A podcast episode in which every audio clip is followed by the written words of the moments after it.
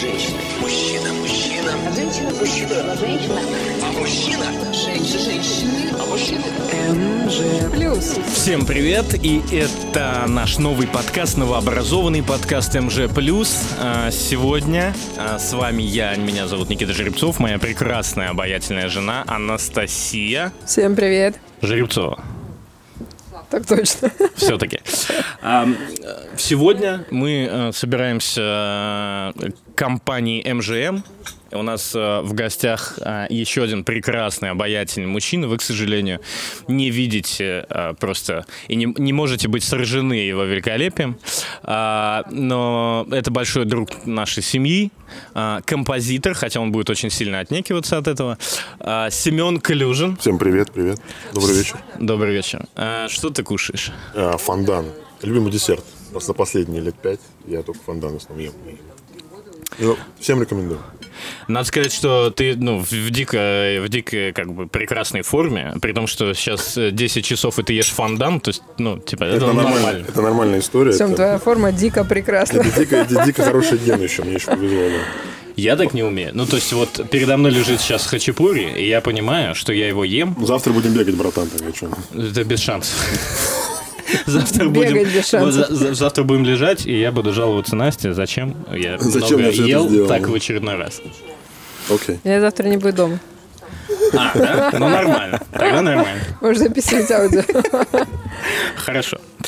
А, собственно, собственно, поскольку Семен э, большой фанат музыки, э, большой... Большой. А что, нет? нет? Большой, огромный фанат Огромный музыки. фанат Огромный музыки. И, собственно, сам эту музыку пишет, поэтому, не стесняясь, э, я называю тебя всем композитором.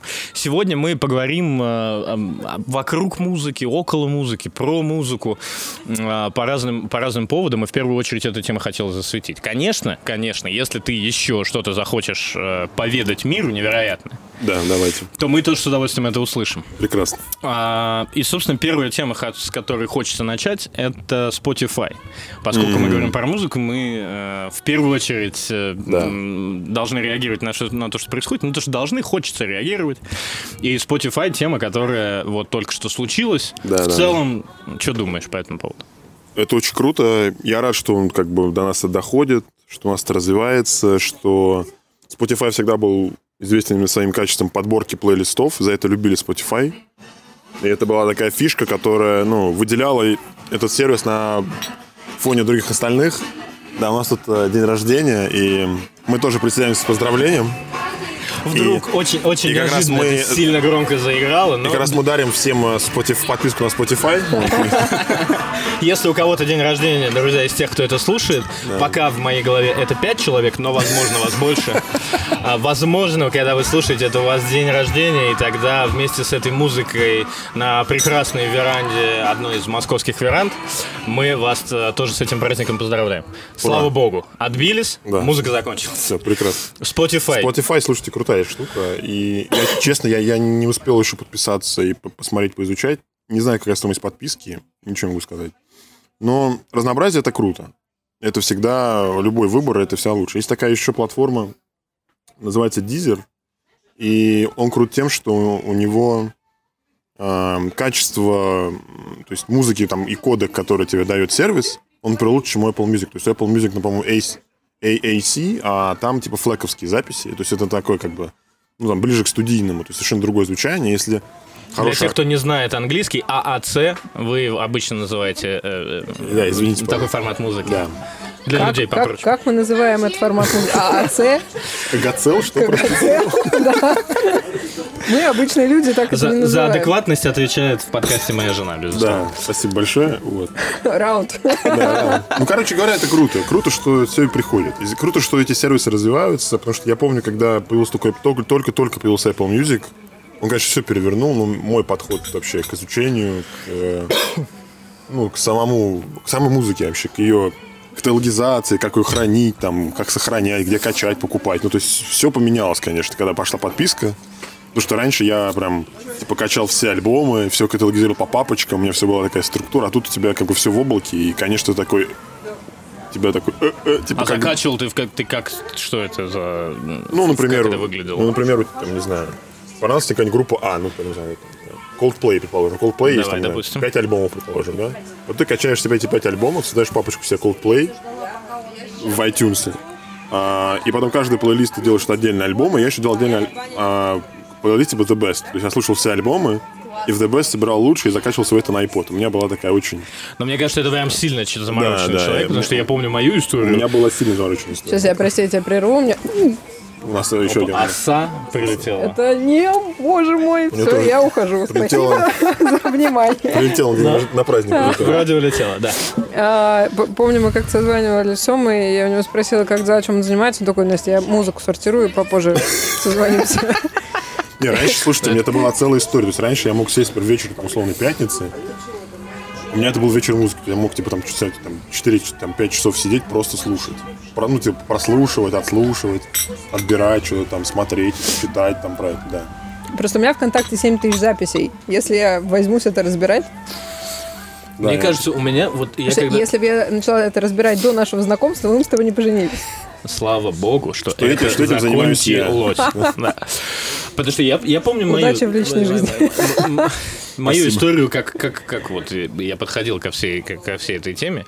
все, во-первых, началось с поездок на дачу из прослушивания вместе с мамой музыки типа там, изначально когда-то давно у нас были Ума Турман, Да, были а, были Меладзе, потом была Военга и так далее. Потом у меня появилась первая кассета и кассетный плеер а, с кассетой Эминема, под которой я, э, которую я слушал под, под книжку Гарри Поттера. Это что? Ну, Это было невероятно, да. Кубок огня, просто разрыв, э, жесткий. Я не помню, как называется, жесткий трек, жесткий. Жесткий трек. Короче, было очень, было очень страшно, да. А, а потом оно как-то, ну, то есть, все шло-шло. У меня, у меня появился очень э, какой-то какой-то филантроп и, и- и друг нашей семьи. На тот момент для меня это была филантропия, потому что он мне подарил, которых еще не было, дисковой а, плеер О, у меня плеер с такой был. дисками и синий диск The Five. Я просто заслушал до дыр. Спасибо Кристиану Рэю. Возможно, кто-то кто-то знает и э, помнит его по группе X-Миссия была такая. Ну, я что-то, естественно, смутно. В смысле, ой, это я путаю. X-Миссия это были его э, друзья знакомые, а он э, MF5 это была группа. И я Ну, даже достал последний клип. В общем, короче, да, был диск, а потом появился э, контакт. И ВКонтакте э, первыми аудиозаписями, которые я к себе добавил, это были гимны США и Марсельеза. Ну, то есть сразу такой западный, запад, западный взгляд был Ну, с- это, с это было подросткового какая-то очень, да, протестная, протестная история настроения. Но вот дальше я не, вот у меня не, я понимаю, что у меня не было такой, э, такой маньячности. Ну, то есть вот как ты, чтобы собирать плейлисты, чтобы Ну, у меня рассортировать была маньячность, музыку, да. чтобы никто меня, пожалуйста, не беспокойте, Ну я да, сейчас да. рассортирую музыку. Ну, у меня то была есть такая, вот, вот этого у меня не было. У меня была ситуация, мне было в районе 5, 6, 7 лет. Ну, короче, какой-то такой маленький возраст. Ко мне приехала моя троюродная сестра на дачу. У нее не было Барби, а у меня были. И она была старше меня на 2-3 года. И я обменяла одну куклу Барби на ее кассетный плеер. И первая моя кассета, которая была у меня, это был тату. Да ладно. Да. Была- э, Я не знал эту историю. Я полный сюрприз. Это круто. Так вот, Spotify заходит, есть разные оценки. Да, я вот, кстати, сейчас, пока вы э, делились впечатлениями из, де- из детства, я тут э, залез в Forbes. Не слушал вас нахер, потому что мне в целом мне не нужно было, было пора немножко в тему. Интересно. Начал сортировать музыку. я- да, и тут интересно, я вычитал, я не знаю, я не проверял, насколько это правда, но а, написано, что пользователи могут пользоваться бес- бесплатно этой музыкой, однако они будут слушать треки, ой, рекламу между треками. Но это, это у них есть бесплатная версия, я так понимаю, с которой они заходят, но у них есть платная версия, там что-то 100, ну, порядка 130 рублей э, за подписку. Но реклама между треками это какой-то Яндекс Радио, я вообще вот это прям для меня это прям запрет запретное. Ну Ну, Яндекс. ты хочешь плати, мне кажется, это все очевидно. Ну да. Хочешь плати. Здесь э, вопрос какой? А, если, если мы говорим к- э, про м, Spotify, и э, сейчас уже есть разные оценки того, какую нишу они займут. По, по разным данным, я сегодня читал разную статистику, э, причем где-то Apple Music не входит в э, лидеры рынка, хотя это странно, но по другой информации они входят, просто они не разглашают данные. Как я понял, они в итоге эти данные это и, и не объявляют. Но как бы первое место в России занимает Apple Музыка, второе место в России занимает Яндекс Музыка, и есть там еще какой-то часть ресурсов, типа э, Google музыка и так далее, но они уже гораздо меньшую роль играют. И вот здесь интересно два момента, на мой взгляд, что, э, во-первых, возможно ли в целом Apple музыку и Яндекс музыку подвинуть? Ты как человек, у которого там 800 аккаунтов э, везде и, и всюду. Вот мне, мне этот интересный момент. И второй момент. Э, говорят, что некоторые эксперты, что Spotify будет сложно... Ну, то есть такая, они обозначают два пункта еще. Что, с одной стороны, Spotify будет сложно войти в рынок, потому что у них нет площадки, или у них нет э, такого ресурса. Ну, мне кажется, здесь надо пойти как бы чуть-чуть такого от, э, от больше от людей, да. Надо понимать, что, на мой взгляд, аудитория, которая слушает Яндекс музыку, Apple музыку, она немножко отличается. А в чем? Вот это, кстати, интересно. Я хотел дальше об этом поговорить, но, раз я уж думаю, ты что это, это, то- во-первых, это, э, скорее всего, возрастной, возрастной ценз, ну, как бы доля, ключ, ну, не ключ, сейчас скажу, то есть, основной сегмент возрастной, он, мне кажется, в Яндекс музыке постарше, чем в Apple музыке. Потому что Яндекс музыка это много что она связана с андроидом. Яндекс музыка, например, условно, она, она э, впиливается в Android, в Android авто в, в автомобиле. И все это в экосистему, если человек там смотрит, типа, кинопоиск, слушает Это то, что как раз так- говорят, что платформа, и как раз у Яндекс музыки вот. она и идет аудитория, я уверен, что, ну, хорошо, я предполагаю, что она отличается, чем от Apple музыки, и Просто- она будет отличаться от Spotify тоже. Здесь надо скорее смотреть преломление больше к Apple музыке, но у Spotify есть, мне кажется, такой один какой-то козырь, что ли, м, репутационный больше. Ну, что про него просто, просто, ну, там, молодежь про него знает, да, который слушает какие-то сервисы. И они говорят, вот у нас, типа, нет Spotify, вот что мы такая, вот что у нас этого нету? Мы хотим, чтобы у нас был Spotify. И сейчас, скорее всего, э, я вот не знаю, там, он вышел там пару дней назад, у меня там уже какие-то в Инстаграме пошли истории, типа, ну, наконец-то вышел Spotify. Люди ждали. Какие А что, что за... Ну, то есть, какая... э, По поводу Яндекса, во-первых, я хотел сказать, что у меня, вот, например, обратная ситуация. Я понимаю, что м, у меня есть младший брат, на 5 лет младше, и он как раз активный пользователь Яндекс Музыки. И более того, все его какое-то поколение, э, это как раз возможная аудитория их. И, и потому что, ну, они такие, знаешь, когда компьютерный гик немножко, то вот оно Android и, и вся тема. А как слушает музыку, вот, например, моя мама, это интересно, я ей позвоню, спрошу. Ну, у меня, Потому например, что- папа потому что у меня, слушает, типа, Яндекс музыку, он слушает ее. Ему так удобнее, например. А в чем отличие, ну, от, э, от Apple? У Spotify, Да.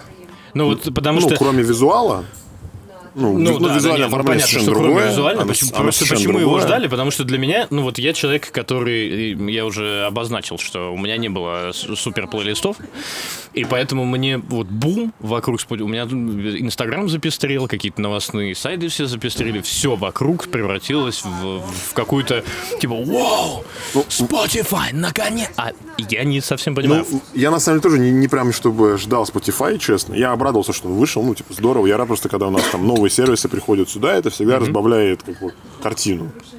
То есть, если условно, то есть новый игрок, он всегда будет заставлять шевелиться там тех, кто уже сейчас есть. Но это, к слову, м, прикольно, что об этом говорят э, чуваки из Яндекс Музыки, которые говорят, что в целом, э, ну, мы не ожидаем какой-то бешеный э, бешеного передела рынка или чего-то такое, но любая конкуренция будет не лишней. Ну, любая конкуренция всегда будет не лишней. Это, в принципе, как бы такой один из ее ну, таких плюсов конкуренции, что она всегда пушит кого-то как-то двигаться, усовершенствоваться и так далее. Это такой, если об- об- общий, да, общий мазок, все- все- общий вывод по Ну всей давай, этой ситуации. общий мазок понятно, а конкретный мазок? Конкретный мазок. Сейчас это популярная тема с вирусом, как бы. Да, вся эта история. Я думаю, что это даст, во-первых, ну, если он будет дешевле, чем Apple музыки, это уже лучше. Потому что, ну, как бы меньше платить всегда. Я так, я так понимаю, что по ценам, Всегда по прикольно. ценам это Я не- просто не помню, приблизительно то же самое. Но в- я думаю, что здесь э, вопрос э, в том, что есть просто фанаты, есть люди, которые слушают Spotify там А как, ну вот у нас Spotify, это кто? например, Вот, вот на твой взгляд, как, как выглядит Ну, человек, который слушает Spotify? Я вот хочу понять, я, я иду по улице и типа, а, ну вот он Я мне приведу- скинет э, в Приведу Apple музыку, я приведу тебе один, один пример. Давай. Просто юзабильности. Человек садится, например, в Uber, условно, где-нибудь там, ну, в Европе, да? У него есть Spotify. Он может по Spotify законнектиться сам с, со серию системы машины, со своей, ставить свое музло в машине и ехать в такси под своим узлом. Ну, это же круто. Ну, чисто с точки зрения юзера. А он как бы не слушает шансон, да, а слушает там что-то, то, что В Европе-то популярная тема шансон. Самое б- Там большинство, большинство сидевших российских шансонье. Вот, поэтому я думаю, что это просто разбавление поля, это всегда прикольно. Ну и плюс это новый сервис. Новый сервис всегда интересно, что они сделают. Потому что мне, например, было интересно посмотреть бы а, у Spotify какая там подборка исполнителей, например, там не очень популярных. Я вот, ну, я, например, так верю. Когда Яндекс Музыка только пришла, и я думал, ну что, ой, не Яндекс Музыка, извини, когда Apple Music, ну, как бы сделали вот это, то, что они сделали, вот свою систему, платформу, я попервой очень сильно не очень был доволен ей, потому что было очень много исполнителей, которых не было, ну, которых, я люблю. Там альбомы какие-то, их там не было, в принципе. То есть они еще не подписали там соглашение или там А что, контракт. это, это, это косяк э, чуваков, которые не закупили права? Это не косяк, это что? просто, ну, просто процесс, да. Ну, то есть, условно, есть там группа Локомотора, такая, типа, пост-рок, да, и, которую я люблю. Ее, например, не было в Apple Music очень долго. И я поэтому там с компании удалял, а просто залил себе в iTunes, в медиатеку, чтобы у меня просто была эта музыка. Что Настя, когда жила в э, Англии, а было такое э, время уникальное, в общем, слушала только, только Spotify. Да, да, я очень расстроилась, когда приехала в Москву, и я даже не переставляла этот эм, Apple ID на, там, можно выбрать страну, чтобы подключаться к какому-то iTunes, Ага. а к английскому, соответственно, или к русскому. Я очень долго ну, не переставляла iTunes на русский, хотя я не могла скачать какие-то наши программы, которые наш, в нашем э, iTunes есть, только из-за Spotify. Потому что а в чем в чем был его прикол? Ну, потому что там были исполнители. Опять же, та же самая история. ВКонтакте на тот момент, э, я не помню вообще, э, по-моему, тогда они ну, практически всю музыку убрали, то есть э, все названия ВКонтакте были изменены. То есть там Да-да-да. Лана Дал Рей, там э, Ну да, Лана это было уже Пляж, позднее, позднее, позднее э, время контакта, когда э, процесс перехода на лицензирование Да, да, да. происходил. Это какой год? Год 13 наверное? Нет, ну, я пользовалась в каком? В 15 16 17 году. А, то есть даже, да, мне казалось, что они уже давно. Ну, ну, не знаю. Ну, короче, на тот момент не было музыки, которая мне нравится в а, ВКонтакте, не было ее в iTunes. а, и меня очень радовало, что из Шазама можно сразу перейти в Spotify. То есть, ну, если нет нигде музыки, которую мне хочется послушать, Spotify она точно есть. Тоже говорят, вот сегодня да, тоже я читал, что типа плюс Spotify э, вообще захода вот этого в, в Россию в том, что у них есть охренительный бюджет на пиар. И поэтому они могут заходить, и в частности, да, там уже промо международных артистов, я не знаю, ты видел, не видел, куча приветствуем, типа Spotify Да, в да, России. видел, видел. И наши чуваки там В. Инстаграме сейчас там всякие артисты начинают. Но мне как вот, я понимаю, что, видимо, я не такой маньяк в этом смысле. Мне непонятно, ну, типа, а, вот ты можешь объяснить, как, как человек... Зачем у- всё это нужно? У которого, да, там, ну, тысячи подписок. а, ну, для- в, чем, в чем фишка? И то, что, опять же, да, и то, что ты уже сказал, что они будут к- конкурировать в основном с Apple музыкой. Вот в чем, ну, а в чем преимущество вот для обычных плебеев? Вот у меня, у меня, я зашазамил, нашел трек, и чуваки мне скинули, как бы, вот основное преимущество. Ну, я думаю, что здесь э, как бы следующая история, что сейчас, наверное, первое время, он вряд ли будет такой ну, всенародный по Spotify. То есть Spotify всея Руси такого вряд, ну, вряд ли такое будет. Но если бы так было, то он бы появился 1 июля. Я, я, да. я думаю, что сначала это будут люди, которые ждали. Потом это могут пойти промо со стороны музыкантов, которых, ну, как бы некие музыканты, они в том тоже, в том числе какие-то, ну, некие инфлюенсеры, да, больше и меньше и так далее.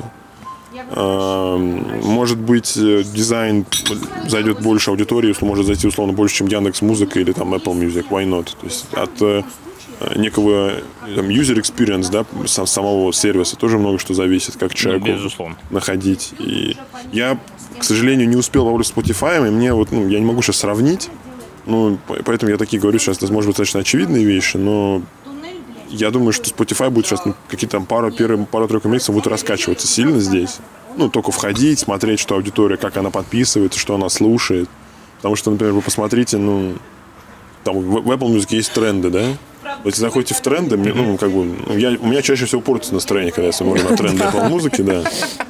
Вот. И это же тоже, ну, не- не- некий как бы, показатель того, что слушает аудитория. То есть, что выдвигать в топы, каких там, с какими исполнителями работать больше, да. То есть, если они слушают условно, я не хочу просто никого сейчас обижать, там, да, чтобы э, нас не пошли Возможно, ком- среди нас есть, типа, не пошли поклонники комплайнсы, да, Ольги- на, на Ольги этот Бузовой. прекраснейший подкаст, вот. Ну, если ты слушаешь там исполнителя X, ты понимаешь, что вот, а зовут его Ольга, и, например, ты понимаешь, вот, что как бы она в топе, да, вот, и, скорее всего, есть, ну, как бы некая там, ну, и твой, твоя заинтересованность пытаться, чтобы она там ну, продвигала твое приложение, твой сервис в массы, да. Ты можешь, например, ну, есть же условные там предрелизы, да? Ты можешь, например, с кем-то договариваться, что у тебя, например, будет там из альбома, например, не один трек доступен для скачки и прослушивания, а три на твоем сервисе эксклюзивно. Это же заманивает, безусловно. Если, например, тот пул исполнителей, который мне нравится, будут там активнее вы- выкладывать свой контент на Spotify, почему мне на него не подписаться? Это же прикольно. Ну, для- как для меня, я сейчас как пользователь рассуждаю, чисто с этой точки зрения, такой больше обывательской. Ты знаешь, смотришь на него, о, ты видишь это, поэтому Но здесь, дизайн знаешь- отличается, ну, привыкну. там. Здесь, знаешь, что вот интересно, зачем об- гонится? об, об этом тоже говорят, что в перв... из того, что ты описываешь, ну вот мне просто интересно составить образ э, человека, который залез, э, ну, который идет по улице, и ты понимаешь, что вот это э, Ты бело-зеленый... как Следственный комитет прям сейчас. бе- Ну, я, бело-зеленый я думаю, что поклонник. я предполагаю, что человек, который часто путешествует, который слушает чаще всего, скорее всего, сейчас популярную музыку, это там R&B, рэп, вот, ну что-то в этом таком, вот, что-то около Дрейка, мне кажется, ну что-то вот вокруг этого. А, хотя ты можешь то же самое сказать и про Apple Music, Music, по сути. Но я думаю, что аудитория, вот как раз большой кусок Apple Music, как раз он относится к Spotify, например, а не к Яндекс Музыке, как ну, с моей точки зрения. Поэтому Apple, Apple Music здесь в этом плане сейчас такой более может быть под И по ударом. факту, по факту, может выиграть от этого всего Яндекс. Безусловно. Ну, конечно. Может выиграть вполне. Они же могут придумывать новые предложения. У них, понимаешь, у них есть экосистема. Э, То есть это совершенно другой подход. Когда ты везде можешь там зашить свой, свой сервис, там, ну, ты можешь в машину зашить свой сервис, а там без, сразу ты продаешь машину в, диль, ну, в дилерском центре, у тебя там уже стоит Android Auto сразу. Ну все, это, это пакет И Word, и как- пакет да. Word, э, Ну, музыкальный типа- пакет Word. Типа да. И там сразу какой подпи... Можно же там продавать машину, подписку годовую на, на Яндекс Музыку бесплатно сразу. Там она стоит, ну что там она стоит, да? Плюс Яндекс там, Алисы, Ну, все вот короче, эти, вся да, вот эта да. история, да, то есть ты, ты сразу это, ты, ну, у тебя охват шире намного. Поэтому я как раз и говорю, что мне кажется, что аудитория Яндекс музыки, она отличается, что как бы я, и, ну, и охват у нее другой, и, возможно, цельность другая. И если посмотреть, я думаю, что там музыка, которую слушают люди там, она тоже отличается, чем там от Apple Music и от Spotify. Вот Spotify может откусить аудиторию там Apple Music, но вряд ли он будет сейчас сильно кусаться за Яндекс. и будет, и будет какой-то Я не думаю, что это будет бомба. Я думаю, что первое, это будет игроком. такая, знаешь, это будет... Это будет как Uber, когда только в Россию привели. У- Uber. Еще одну сервис такси. Прикольно, да. Так он ничем и не стал, и в итоге его Яндекс Не, купил. но, но он стал... Нет, почему он ничего не стал? Он, он, он, он просто на- начал допинга- допинговать. Сейчас немножко от, от музыки уйдем. Он просто стал дешевле Яндекс в полтора раза люди такие.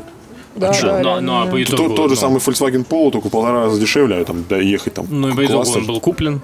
Ну, это потом история уже как бы дальше да, пошла, да, как бы. Я Ну, я просто и смотрю, да, ну, то есть, вот мне интересно понять это как, как явление, потому что для меня, я говорю... Ну, я думаю, что Spotify, бум- это молодежь, это там до, до 35. Это те, кто активно, там, ну, так называемая активная жизненная позиция. Те, кто там читает Forbes, ездит за границу, там Читает фор. ходит, ну, условно, я сейчас просто накидываю, Надо да, там, начать читать Forbes. ходит во всякие там бары. Ну, то есть, кто, такой, знаешь, кто... Ну, такой Тренди. Тренди, Ну, движовый. молодой- молодой, там, 20-35 Esquire, житель-. Житель Ну, вот это я там... многомиллионного города. Да, То есть условная, да, какая-то такая картина. да. Плюс. Мне интересно а, в в этом контексте такая тема. Это тема с а, третьей силой, какой-то такой очевидной. Объясню в чем. Длинный заход. Да, давайте. Конспирологически немножко. Практически. Есть, условно, а, Сш- Штаты, США, которые понятно чем берут. Они туда изначально исторически приезжали люди, которые бы, ну, то есть вот им было не лень поднять свою задницу, приехать на другой континент э, и, и там начать что-то делать, поэтому там все укушенные, все бегают, очень много талантливых людей, и просто распихивая локтями э, друг друга в этой выборке безумной рождает что-то мощное, сильное. То есть это такое соперничество с религией в виде демократии. Это успешное, ну, успешный проект во всем, да, там это кино, это экономика, все что угодно. Есть э, вторая система, это такой Китай. А, Когда это жесткий контроль от государства, это жесткое лоббирование собственных интересов во всех э, странах мира и, э, и, и жесткая подстройка населения под собственные нужды, но при этом государство растет бешеными темпами, и там чуть ли не в 2024 году прогнозируют самую мощную экономику китайскую. Но это за счет государства и очень сильной государственной воли. И вот Spotify своим явлением, он такой как будто бы, как будто бы, интересно ваше мнение по этому поводу, подчеркивает эту третью силу.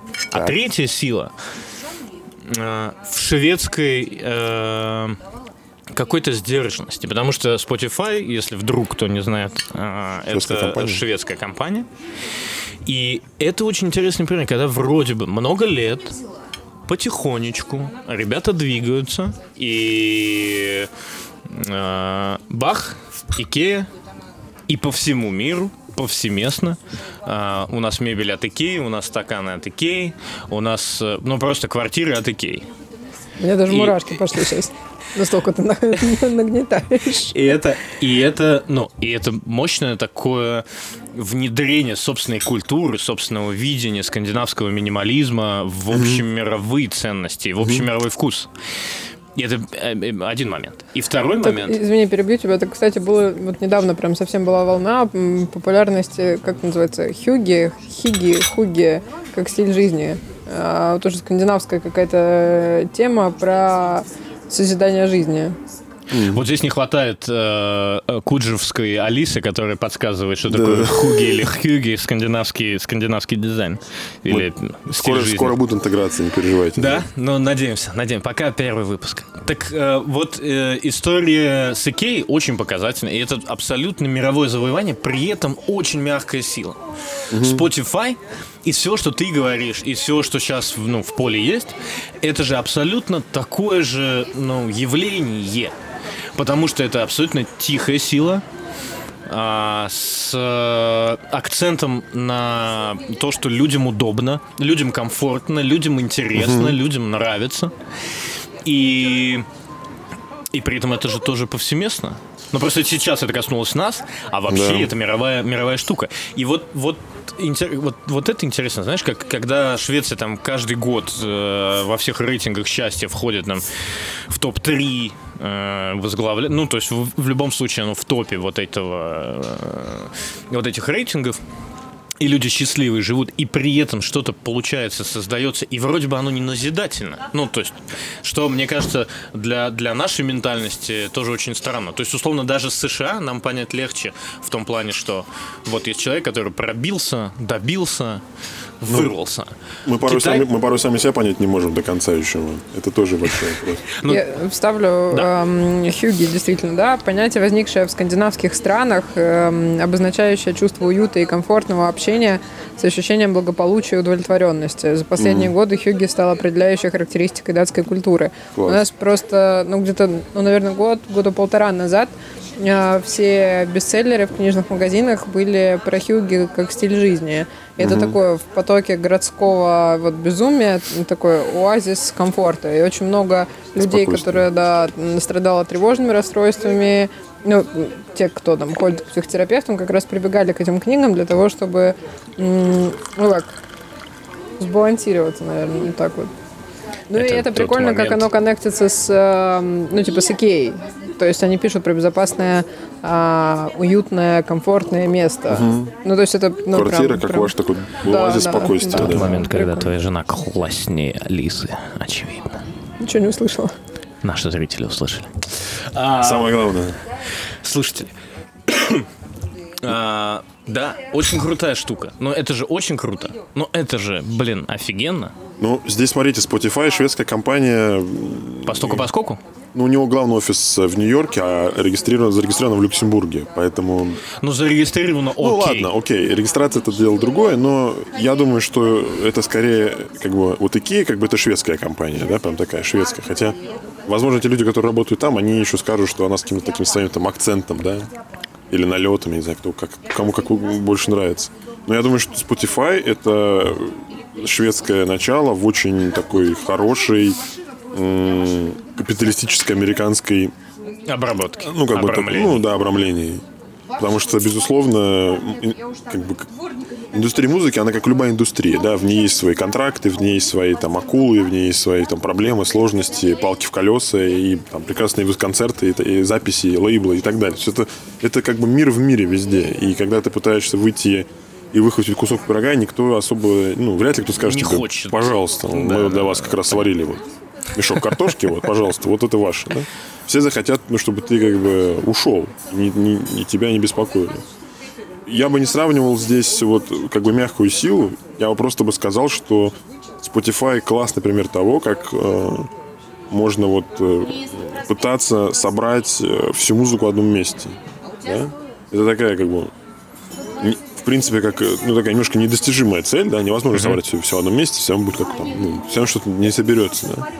Но это же, по сути же, ну, не Apple Music там заправляет баллом, да, изначально, не он же появился, а потом Spotify. То есть Spotify, у него более такая история, есть некая своя предыстория своя, да.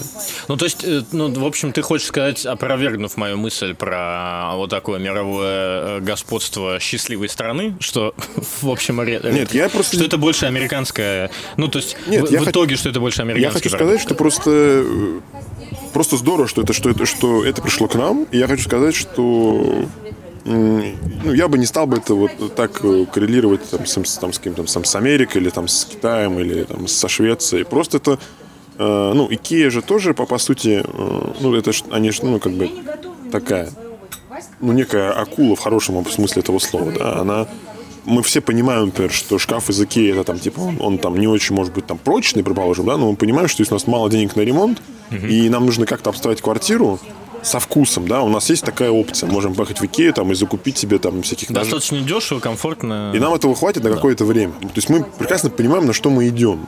И что мы получаем за эти деньги, да. И в Икее все это понимают.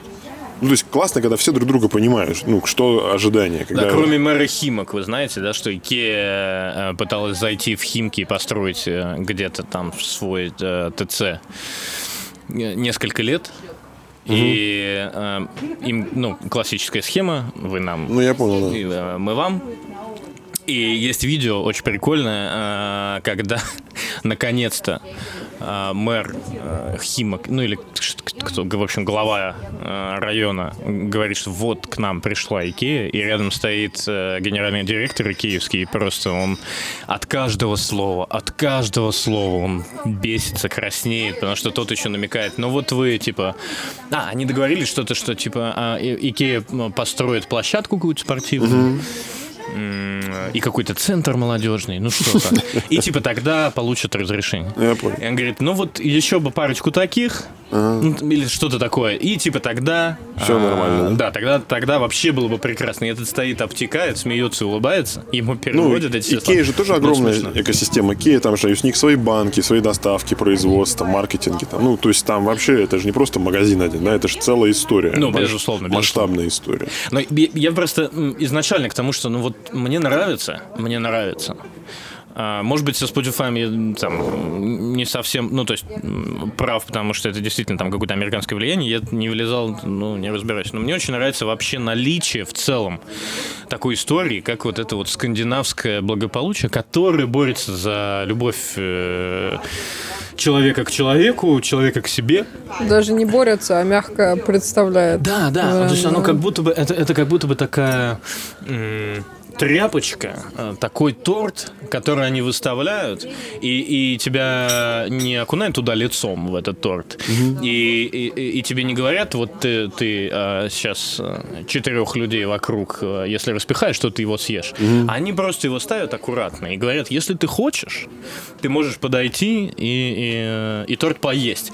И, ну, и это круто. И, и подойти могут несколько человек и так далее. Это вообще вот такая вот сила в виде, в виде вот этого шведского м, проявления в Икее и шведского проявления в Spotify. Да, ну Скандинавия вообще интересное как бы, место, да, сказать. Там, там эти страны, которые входят в это географически расположеены там, они, в принципе, очень ну, такие своеобразные, и они отличаются, безусловно, там, не, не зря называют там, не знаю, страны Северной Европы, да, то есть это там отдельная какая-то, у них отдельные, отдельные свои нравы, манер поведения, общение между друг другом, с ближними, там, ну, причем я уверен, что там, условно, Норвегия от, от Швеции тоже отличается, и Поэтому, ну, а, как классно, что это есть, классно, что там, ну, например, шведы, да, это там те люди, которые э, там, ну, вот Volvo концерн, да, это там та компания, которая нам всем подарила там, условно, те ремни безопасности, которые мы сейчас все используем в машине, причем она подарила всем их бесплатно.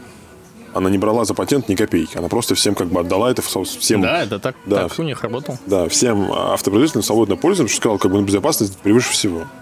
И, э, значит, был такой случай, что там, ну, все же там, мы там так или иначе, ну, там, не все любят пристегиваться, например, в машине, да? И все говорят, да ладно, что там, за хлебом заехать, типа там, Ну проеду да, да, да, да, да. 300, 4, там, 500 метров, там, там, что, я же гонять не буду, там, ну, условно.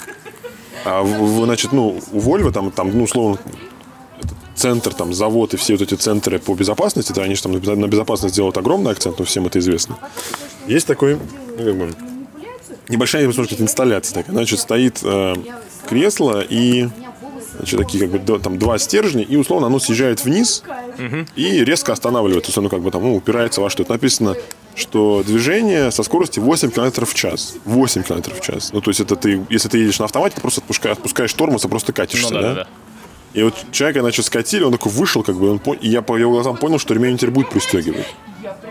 Ну, то есть они э, вот, борются, за- ну, не борются, они про- проповедуют то, что там, ну, Когда ты понимаешь, что человек, это сделано ну, для человека. Ну, то есть там жизнь человека, она, ну, очень важна. И безопасность человека очень важна, и удобство его важно, да, потому что вернуться, если к той же Икее, посмотреть, как они там, у них там устроена там эта мебель та же самая, да, эти концепты там их кухонь, там, интерьеров и так далее, все, в принципе, недорого, простенько, ну, достаточно, да, но со вкусом и удобно, по сути. То есть место хранения. Мне там, нравится в этой штуке, что это какая-то вещь, которая, ну вот посмотри, как классно, и ты можешь э, так же, условно. То есть это такой принцип. Ну, типа смотри, как классно, попробуй. Если тебе будет классно, то это круто. Это классно. Мне кажется, тебе просто очень хочется добра. Это правда. Такое отношение мне, мне очень, очень нравится, очень близко. И поэтому, когда я увидел, э, что это шведская компания, я так и воодушевился, потому что ни хрена себе, ребята. Наконец-то. Ну, наконец-то. то, то есть, то есть такая тема. Но клево, что при этом при всем платный контент выходит вперед. Я ну, недавно поймался на мысли, что Да, я так, кстати. так устала от рекламы в Инстаграме, что я готова заплатить, чтобы она, ну, ее не было каждую там третью историю, и каждый Прикольно. там четвертый пост э, в Инсте.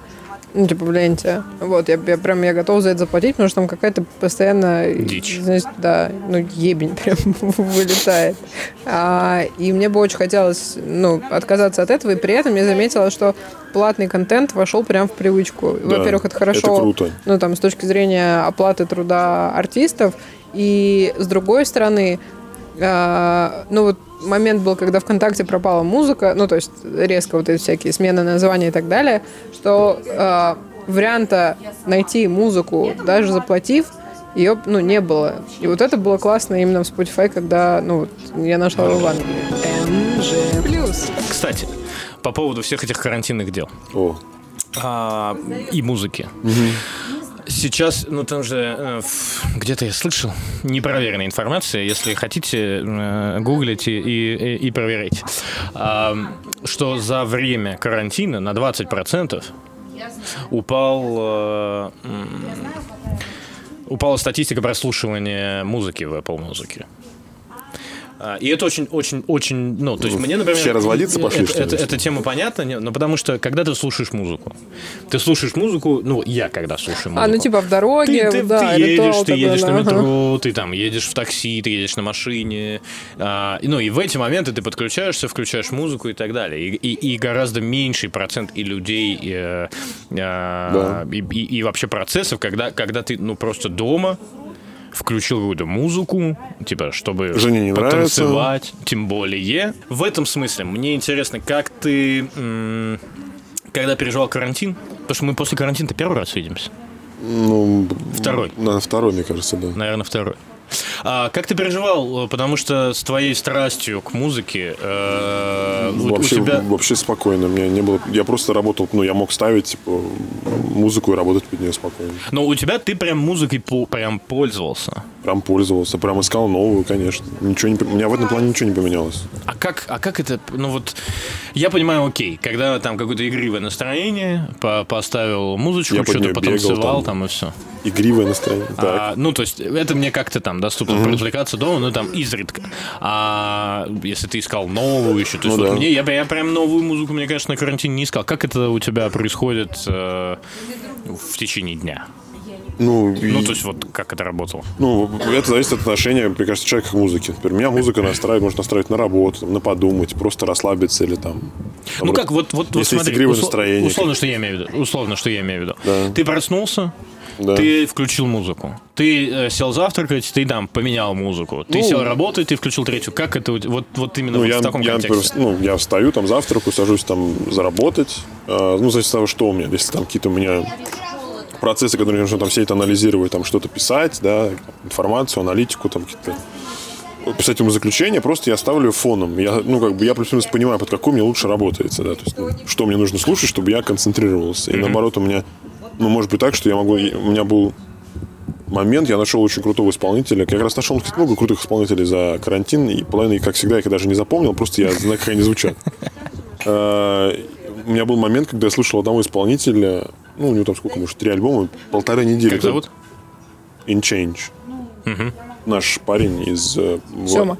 и- Наш парень из Владимира, по-моему, ну, пишет электронную музыку очень крутую. Но мне очень нравится. Она такая простая, не давит на тебя, легкая. Такая. Я слушал его там вообще только-только одного полторы недели. Просто не вообще, не- вот, ну, весь день, потом вышел на улицу погулять тоже. Ну, у меня такие, у меня бывает Вы такие, как бы, понимаете, да, уровень музыкальные, музыкальные да, запои, я их так называю. У меня есть такое. И у меня был один день, когда я мы там делали большую презентацию с коллегами, тяжелую такую, она была такая непростая, мы там сидели по ночам. У меня играл один трек, ну, то есть я мог, мог один трек играть типа 5 часов. Ну, просто у тебя, ну, так вот стоит, и ты как... У тебя в какой-то момент, ну, я не знаю... Тошнить не начинает? нет? Это знаешь, как, ну, если, например, там люди, вот, которые, ну, когда ты бежишь, предположим, когда ты бегаешь, да, тебя там, может быть, первые, там, 3 километра теперь тяжело, а потом остальные 7 ты бежишь, потому, ну, потому что в этом ритме. То есть у тебя как-то организм подстраивается, ты вот в этот ритм входишь, потом от- открывается второе дыхание, ты бежишь, бежишь, бежишь, бежишь, там, ну, условно, как в Форест Гампе, да, бежишь, пока там, ну, пока не пробежишь куда туда, туда, так, как ты хотел. Здесь примерно такая же история. Бывает, ты устаешь, там, ну, как там, понятное дело, там. но у меня с этим, по сути, нет проблем, потому что, ну, я карантин там был один в, один в квартире, перед, ну, как бы работал, и ну, бе- без музыки мне было, конечно, грустно совсем. Я мог там сесть покушать, там поставить в колонку, просто что-то послушать. Все. Ну вот это круто, да? Это другой формат э, работы головы, потому что у меня обычно такое работает, когда там, я куда-то сажусь, и я включаю ютубчик. Там, Не, ну, ютубчик я- тоже, я, это я- понятно. Я куда-то еду. это- Нет, ну это вот прям, я имею в виду на, на таком уровне. Потому что Ну, я музыка- вот в таком варианте, как у тебя, я понимаю, там, э, например, обычно на семейных вечерах, там каких-то больших, я отвечаю за Пластинку. Э, э, Да, да. Ну, условно, там я что-то включаю, подбираю немножечко э, диджейнга. Подбираю какую-то, как мне кажется, актуальную песню. Да, Может да. быть, это и раздражает людей периодически, но вроде пока никто не жаловался. Вот. И, и, ну, то есть, это да. А я имею в виду вот момент потребления, что это прикольно, что оно Ну, очень по-разному. Потому что вот у меня YouTube, Настя не даст соврать, это прям... Спасибо. все, ну блин, я только Придется- хотел. придется честно, А, да. То есть это, это постоянно. Я сел завтракать, я включил что-то. Я там вышел из душа условно, я включил что-то. Я поехал куда-то, я включил. И, и это вот именно видео, ви- там, видео, видео. Ну, такие, ты, ты сам сяки, делаешь видеопродакшн, тебе же, ну, как бы ты же еще смотришь, ну, то есть это, опять же, хо- ну, отношение к хобби, да, то есть у тебя, например, к видеопродакшн такой, как у меня к музыке. Я, например, постоянно, постоянно, я не могу там за хлебом выйти без наушников. понимаешь, 30 метров там пройти, там, ну, мне сложно. И вот Ну ты прям наркоман музыкальный. да, у меня был случай в Питере, я э, поехал один раз, э, вообще так просто там на сутки в Питер на концерт Слабой. У них там был новый альбом, и они планировали сначала в Москве делать анонс, а потом они передумали, решили в Питере. Я сказал, я не могу ждать уже, пока в Москве не будет концерт, надо ехать в Питер. И вот я выхожу из, из клуба «Космонавт», мы, ну, был очень классный концерт, мы там все поплясали, потанцевали, все было супер. И в Питере там 12 часов ночи, у меня самолет в 5 утра. И я вставляю наушники, чтобы включить музыку, и понимаю, что один у меня не работает наушник. Ну, еле-еле работает. И вот такие моменты для меня всегда, знаешь, типа вот, what the fuck. Вот, вот, то есть это всегда э, расстройство. Когда Настя, вот ты можешь найти, например, музыку, которая ей нравится в Apple Music, у меня такая же история, когда у меня ломаются наушники, потому что я думаю, что я теперь буду делать 5 часов? Что мне делать? Если, если нет музла, что Но мне оно делать? есть. Ну, оно такое, какое-то ш- хрипящее, шипящее, ну, ну, как бы ты понимаешь, что, ну, короче говоря, это вызывает фрустрацию, так сказать. Поэтому, да, это не, не очень круто. Слушай, по поводу, по поводу исполнителей. Да, давай. А, по поводу исполнителей, которые тебе нравятся, которые тебе не нравятся. А, Так. По поводу всех, да. Давай. То есть это первый вопрос. Я для себя, когда, когда думал э, про беседу и про твое меломанийство, э, может быть, со- согласишься со мной, не согласишься. То есть, ну, в целом сейчас я выделяю там какие-то четыре категории. То есть, если раньше э, можно было разделить жестко, там, это рэп, это э, м, там R&B, это попса там и так далее. Сейчас смешение жанров, вот этого всего нет. Поэтому вот я выделяю такие четыре. Это вот это рэп, R&B, вообще модная, я назову такая условно стильная музыка. Она, ну, я объясню, Моргенштерн тоже туда относится. А, но э, я не называю его стильным, но я имею в виду это такое современное направление. Вот я не знаю, как, как точно это сформулировать. Так. Это э, первое. Второе это эстрада. Ну, то есть для меня там эстрадный артист э, это, ну, типа, понятно, Фил Киркоров. Э, кстати, Киркоров это прям моя фамилия. Э, Это, ну, Стас Михайлов, понятно, вот эти все чуваки. Это классическая музыка, к ней, ну, тут все понимают, о чем речь.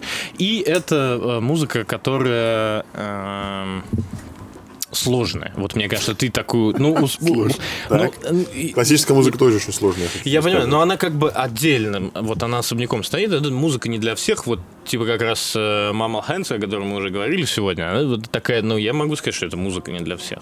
Ну, конечно. Вы согласны с такой разблюдовкой или не? Ну, Пожалуйста.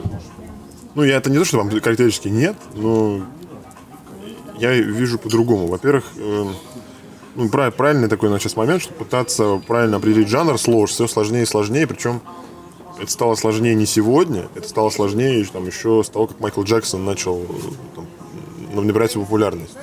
Условно, если взять тот же фанк, да, и тут, тут популярную музыку. А можно просто еще часть такой с малиной и с мятой? Шикарный А, чай. Да, чай. Спонсор нашего подкаста часть с малиной и мятой. Со времен как бы еще там поп-музыки, да, и там фанковой музыки, там, все 70-е, 80-е, когда, в принципе, появилась э, вот, э, как начал развиваться электронные, просто электроника, не, не имеется в виду там, там, инструмент, а просто, в принципе, как пошел прогресс, начали появляться новые там, методы записи, сэмплирования, когда пошло это, что там, оно породило там из себя еще какие-то там определенные направления, там, там, вот я, например, э, то, что я пытаюсь сделать, я, например, делаю сэмплированную музыку, потому что я, там, мне пока сложно там, так, прям писать, писать ее прям, без- с нуля, поэтому я очень там, Сэмплированную, в смысле, ты берешь какие-то песни, Да, ну, вырезаешь или из я них беру- кусочки, или- и из них клеишь Или я просто покупаю эти сэмплы, которые уже готовы, и я из них что-то пытаюсь слепить. Да, офигенная, ребята, музыка, э, которая выходит из-под э, пальцев и головы э, Семы, безусловно, на SoundCloud, да, у тебя Да, аккаунт. да, А. Сэм Фостер. Сэм Фостер. Не путать, есть какой-то... мы недавно обнаружили, я как раз себе написал, что... Сейчас забавно было. Что, ребята, да, какой-то ф- чувак, смотри, какой-то фейк в Apple Music, какую-то хрень вообще делает. Нет, Сэм Фостер, наш чувак. Да, наш парень. А, SoundCloud, пожалуйста, все подписывайтесь. И можете подписываться на его Инстаграм и, и Телеграм-канал Да, и телеграм-канал. а, про музыку. Скоро будет, скоро будет новая статья. Новая статья будет. В общем, везде Сэм Фостер, нижняя поч... э, Сэм... Не, по- по-моему, у меня... Фостер, под- Lab, по-моему, называется у меня телеграм-канал, да. Фостер's Lab. А, а в, в Инстаграме я просто Фостер, нижний подчеркивание, Сэм. Оставим Или ссылку в описании. Да, мы ставим ссылку. Обязательно. на все, на суть, все, что только суть можно. даже, ну, суть в том, что пытаться сейчас определить, как, какой ж- ну, жанр сложно, потому что понятное дело, что они сильно меняются. Безусловно, конечно, есть там у них определенные свои, э, например, там, особенности, да. Там, условно, даунтемпо, он там делает упор на, сла- на слабый на слабый тон, если рассматривать музыкальную теорию, как некая синку, синкопированная, там, да, они на, они на этом играют. Здесь мы немножко выпали, да? Ну, ладно, я сейчас не буду набрасывать сложные, сложные слова, просто суть, короче, вот какая, что я, например, делю вот то, что сейчас музыку, музыку там на следующие какие-то там истории. Вот. Я делю ее на просто, в принципе, популярную, почему популярная делится дальше, да, например, популярная, ну, условно, это, Лана Дел Рей, это, ну, как бы тоже отчасти популярная музыка, потому что она, как бы, известна там, шир- широкой, широкой Ну, то есть, условно, массе, Оля, да. Оля Бузова и Лан Дел, Рей это в целом популярная это в музыка, целом а они- дальше они делятся. Ну, а там, дальше да. а- а- один музыкант, да, в общем, да, дальше она делится, да. А, там, то как, да. Есть, ну, не знаю, есть условно какая-то хайповая музыка, да, типа там условно Моргенштерна, на мой взгляд, да, ну, я не хочу, не, не хочу никого обижать, но мне сложно назвать это музыкой, честно. Но Я бы хотел дальше об этом но я, поговорить. поним- да, я- ну, но я давай пони- но я- да, но я понимаю, что ну, какое-то количество людей, определенная аудитория с этой музыки получает там кайф. Да? А, а Настя, ты дальше- слышал Моргенштерн? Ты можешь об этом сказать, кстати, тебя не видят. Нет. И слава богу. Вот. И дальше как бы все, в принципе, достаточно просто. Там есть та, та же классическая, но классическая музыка, это тоже там, в нее там, если залезть, это же тоже там отдельная история. Есть э, ну, есть там условно классика, есть минимализм, да, например, есть Филипп Глаз и э, там, ну, на мой взгляд, очень такой сильный композитор современный. А, так. Есть, те, есть киномузыка, так называемая, да. Например, условно, Ханс Циммер это какая-то больше киномузыка, да. То есть отдельно она не работает? Ты прям Нет, почему? Как, Раб- как, как почему? Жанр, Нет, условно? она работает. Почему? Просто вопрос в ее, ну, в ее атмосфере и вопрос в ее построении, да. Например, Нилс Фрам это там скорее больше минимализм, да, и где ты, где у тебя повторяются одни и те же там музыкальные, музыкальные рисунки, да, они могут повторяться, но какое-то бо- большое количество тактов, и может меняться там одна-две ноты, там в тон меняться в полутон, которые как раз создают вот эту атмосферу, ну, такой некой певучести, как мне кажется, что, в принципе, у тебя идет одно музыкальное полотно, но за счет того, что оно чуть где-то видоизменяется, чуть-чуть там мо- могут меняться аккорды, там басовые ноты, то как раз это движение, ритмика, она, ритмика создается э, сама музыкальная. Мне сложно, ну, как бы, мне сложно делить там на пять частей, потому что э, она для меня делится глобально там, на вот там супер популярную, популярно делится на хайповую и дальше она там как-то э, растекается, да. Есть там, ну, есть там рок-музыка, ну, как бы, что такое рок-музыка, да, сейчас там все настолько друг с другом перемешивается. Если вы пос- послушаете, например, Coldplay там, десятилетней давности Coldplay сейчас, да, ну, это они очень сильно отличаются. Там условный Scientist от- отличается от там, э, последнего альбома, там, то, как они делают. Потому что они, например, какой-то момент стали делать там акцент больше на электронных примочках и звучании. Также, например, Франц Фердинанд, там, а, там, условно там This Fire is Under, ну Fire у них есть песня такая там классная такая хитовая, там тоже там го- года какого-то шестого седьмого плюс-минус, я уже не помню. Она сильно отличается там от Ulysses, да, там, или от последнего альбома, который мне не очень понравился, но который совершенно больше электронный. Там. Radiohead, такая же история. Том Йорк, на такая же история. Это не то, что они хуже, просто ну, люди же ну, все равно эволюционируют, в общем, меняется видение. Здесь сложно сделать одну структуру. Просто есть, безусловно, есть музыка, которая такая, ну, не очень форматная, да. Но опять же, неформатная музыка, она, например, Mammal Hands, там, глобально, это неформатная музыка для большого там. Blood, там что-то, Bloodhood Brothers есть такая тоже гру- гру- группа, она тоже неформатная, но это джаз. А джаз это, в принципе, хоть он там во многом родоначальник многого, да, изначально, в принципе, это музыка. От него много, ну, много что пошло. Но сейчас джаз это все равно такая, как бы, это нишевая история. Спасибо. У джаза, во-первых, джаз делится там дальше. Есть там vocal джаз, smooth джаз, там есть электро Ну, в джаз. целом человек, и так далее. человек, который любит музыку, я, Настя, знаешь, вот, вот понимаю, бесполезно просить что-то ранжировать. Да, это как сложно, я, это когда на работе э, разговариваю со звукорежиссерами, и вообще раз- разговор заходит про звук, то если всем более-менее, ну, типа, ровно такой микрофон, там, ну, ровно здесь звучит, то с этими людьми они тебе скажут, ты что? Ну да, да, Ты да. что, записывать на такой микрофон вместо такого? Ты Ну да, используешь э, Роде Анишенхайзер? Да ты но, но про... Ты же понимаешь, Э, там же вот, вот это вот. ну, Да, да, ну. и, и, и по- поэтому, наверное, сложно здесь сказать. Ну, тогда, Или когда может тут- быть... Или вот, извини, пожалуйста, Да, я перебью. Я, я недавно, значит, я сейчас делаю ремонт. э, Я недавно ездил выбирать себе акустику в квартиру. Я к этому подошел, ну, понятно, зная меня, ну, мои какие-то... там- Акустику предметно или акустику, типа, ну, просто я- колонки? мне, мне вот нужно было, мне нужно было, мне нужно было решение музыкальное как бы в квартиру, чтобы оно не было громоздкое, ну, условно, чтобы не было, знаешь, там, 5 колонок, один сабвуфер, там, ну, чтобы по всей, ком- чтобы ремонт делать как бы под себя, а не под стереосистему. Вот. И Я бы не удивился, Да, знаешь, вот- если бы ты сказал. нужно было что-то такое, как бы, ну, плюс-минус компактное и очень высокое, там, хорошее по качеству. Я нашел там в Bang Olufsen одну стереосистему крутую. Я поехал ее послушать там, на в магазин. У меня всегда есть несколько проверочных треков, ну, которые я там смотрю вер- вверх, там, бас. там. В основном, я, в основном я как бы, у меня один всегда Баноба, я себя проверяю Баноба. Ну, почему. тестовый. Да, Мгм, тестовый. вот. Bloodhound Brothers я про- просто по- попробовал так, ну, мне просто было интересно, как он будет играть такую сложную, немножко сложноватую фьюжн джазовую композицию будет выдавать. И как панорама вся звука пойдет тебе. Ну, то есть, когда ты стоишь перед, э, ну, колонка большой, там она длинный, вытянутый, да, и как она тебе будет выдавать то, что ты, ты, ты знаешь, то есть ты- у тебя в голове ты знаешь, как этот трек будет играть дальше, да, и пословно ты сможешь слушать, там, например, условно, ты слушаешь его в машине, где-нибудь там в наушниках в разных, которые у тебя есть там, может, какой-то друзей там классная стереосистема и там послушал, и вот ты сравниваешь как бы ну, потому что палитра запоминаешь, как бы звучание там всяких девайсов. Это. Я проверил, я с ним потом еще проболтал, мне кажется, час про это, про все. И знаешь, самое крутое, когда ты ставишь музыку, а я, ну, а я- чаще всего я слушаю музыку не очень популярную. То есть я, например, ну, я, может быть, я, например, э, я не помню, как раз слушал Rolling Stones, условно. Хотя я, ну, там, преклоняюсь перед ними, это там великая группа. Мне просто. кажется, не самая популярная вообще. Мне Ну, кажется, даже нет, сейчас ну, это знак, человек, типа, который типа The Queen. Когда последний раз слушал The Queen? Я не знаю. Ну, я ну, кла- условная классика такая, да, современная рок, классика. ну, классика, или там Deep, там Deep Purple, там, и так далее. То есть я редко слушаю такое, я слушаю больше там такой, больше современной музыки, я много слушаю.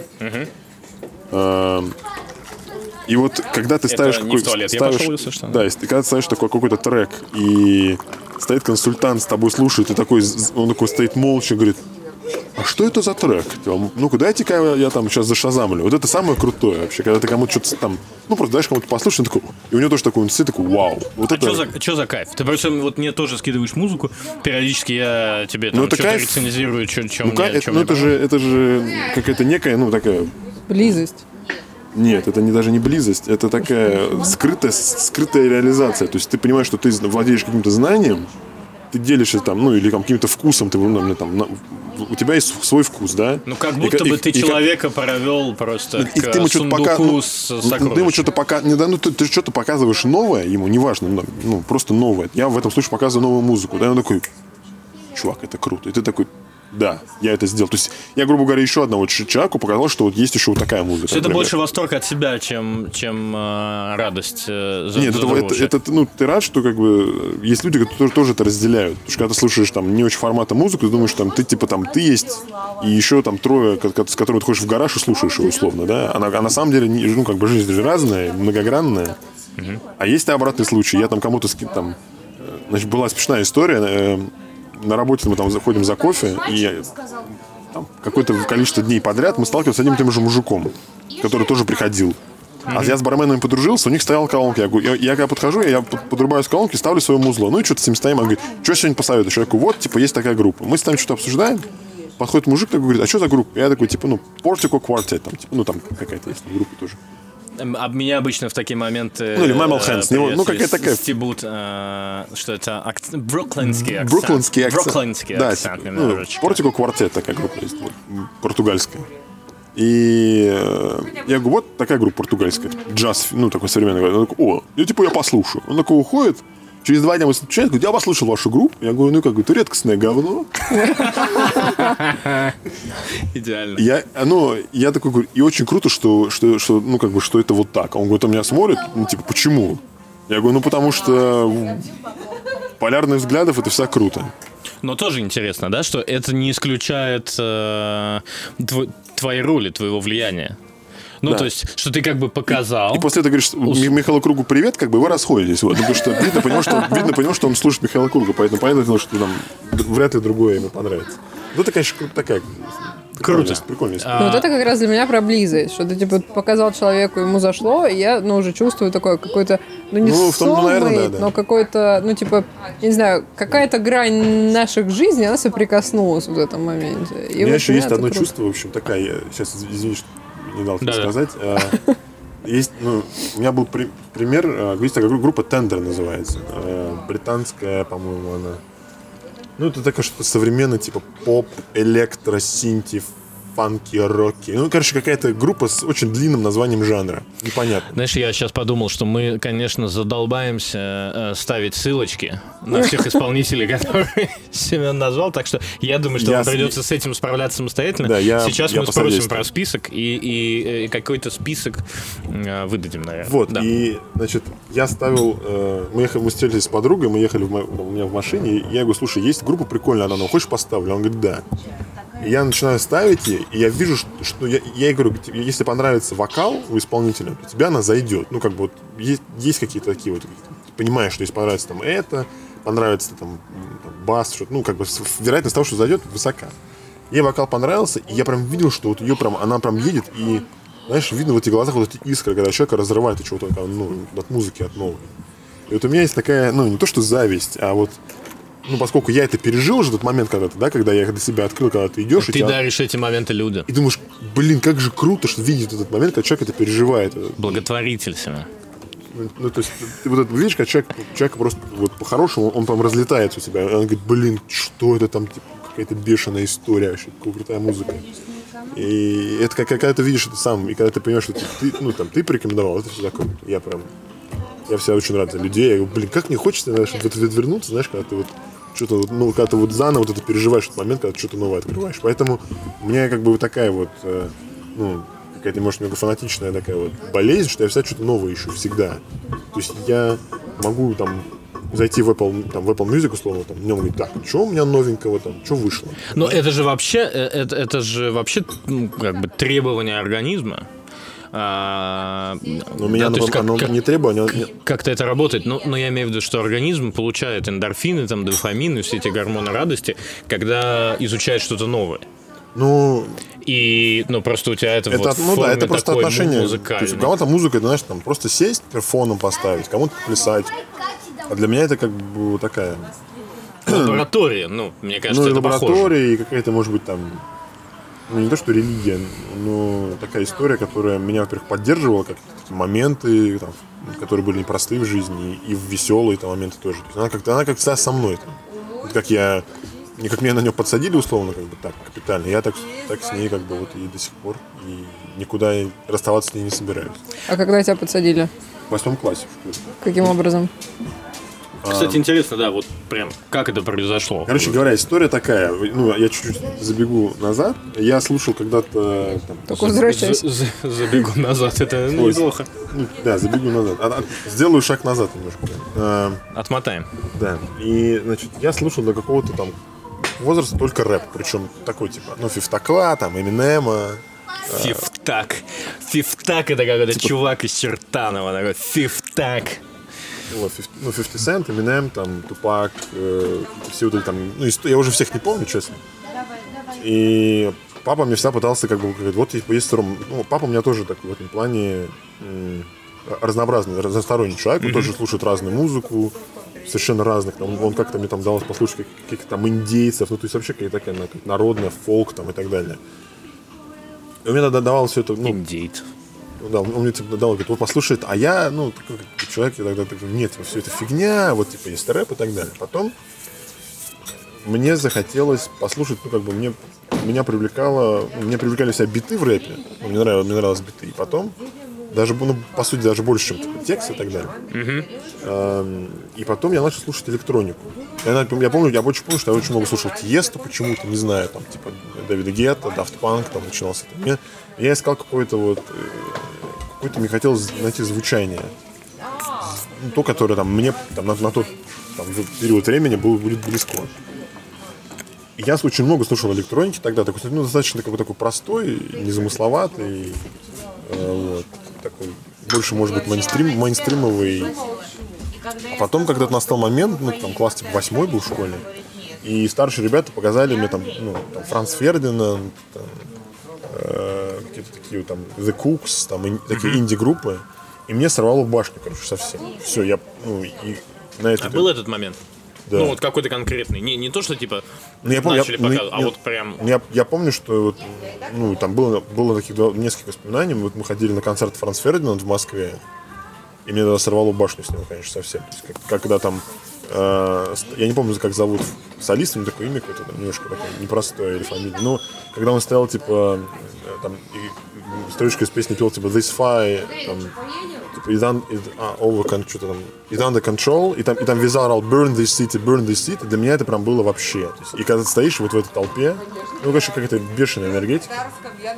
А, и вот тогда, конечно, я, ну, как будто силу этой музыки я тогда понял. И, наверное, это была какая-то, я помню, просто помню, это было тепло, там была весна, и это был, скорее всего, такой The Cooks. Мне очень нравятся эти гитарные, типа, у них эти ну, гитары очень Да, мне да, нравились. классные. Гитарные рифы, и потом я начал слушать Франц Фердинанд гитарный риф, потом я нашел, мне сколько скинул группу Интерпол, и тоже такой постпанк больше, такой, где там более холодные гитары, где не так слышен голос, где голос такой больше фоном, и все идет, и мне очень, э, я тогда понял как бы одно, что мне в музыке важно именно сама как бы звучание, то есть не голос, не вокал, не слова, а просто звук, ну как бы вот этот звук. Потом я начал слушать опять электронику, опять начал как бы искать, искать вот это, зву- это звучание, э, новые звучания, как я их называю, для себя. И потом, там, в конце школы мне один товарищ скинул э, инструментальный рок, то есть просто рок без слов. И вот тогда я понял, что я нашел вот, вот то, что я типа искал типа, последние там, типа, 3-4 года. И все. И меня, конечно, снесло. Ну, а то, что я говорил сегодня раньше, то, что я слушаю все до конца, там, от начала до конца. Там, если там... э, есть такая группа, по-моему, ну, даже не группа, их они называют такой оркестр шотландский. Godspeed You Black Emperor называется группа. У них бывают треки, типа, там, по там, 18-20 минут, и причем из этого там 6 минут может идти какого-то вообще непонятно что. Ну, то есть ты не понимаешь, что ты там, ну, что это такое. Просто какая-то такая тишина с, с перемешку с каким-то рифом таким гитарным или элек- электронная примочка, которая там так... Ну, в общем, ты не понимаешь, что это за звук на самом деле. Но вот у меня всегда было такое правило, что я всегда слушаю как бы от начала до конца, всегда. То есть я всегда это там рекомендую людям, которые пытаются что-то новое послушать. Это в этом как раз вот это вот как бы ты понимаешь, вот ты значит, понимаешь силу этой музыки, потому что ты можешь слушать две минуты, не понимая зачем, и вот с третьей, как какой-нибудь так вступит в силу, и ты понимаешь, вот ради чего я сидел и ждал. Ну, типа, Вот ради чего, я вот, то есть, ну, потому что ожидание У тебя тоже, значит, есть такой момент. Да, но это совсем непонятно. Я нашла недавно какой-то трек в рекомендованных. В Буме, кстати. А, про Ксе- В Бу- Буме. А? Ну, ты не знаешь. Не, ну я Это- знаю это бум, российский я знаю, я сервис, знаю бум, но я им не пользуюсь. Контакт там, ну, Есть еще звук не какой-то модно, был, я не помню. модно, не модно. У меня бывает такое, что я скачиваю музыку ВКонтакте, прям, ну, типа, в буме. Я постоянно ее слушаю, слушаю, слушаю. И потом в какой-то момент я чувствую, что мне, ну, прям не хватает нового. Я залезаю иногда в рекомендации. А, И, по-моему, группа называется Проксемика. Какая-то наша группа. Ну, то есть, там, я прошу прощения, но там совершенно тупейший текст.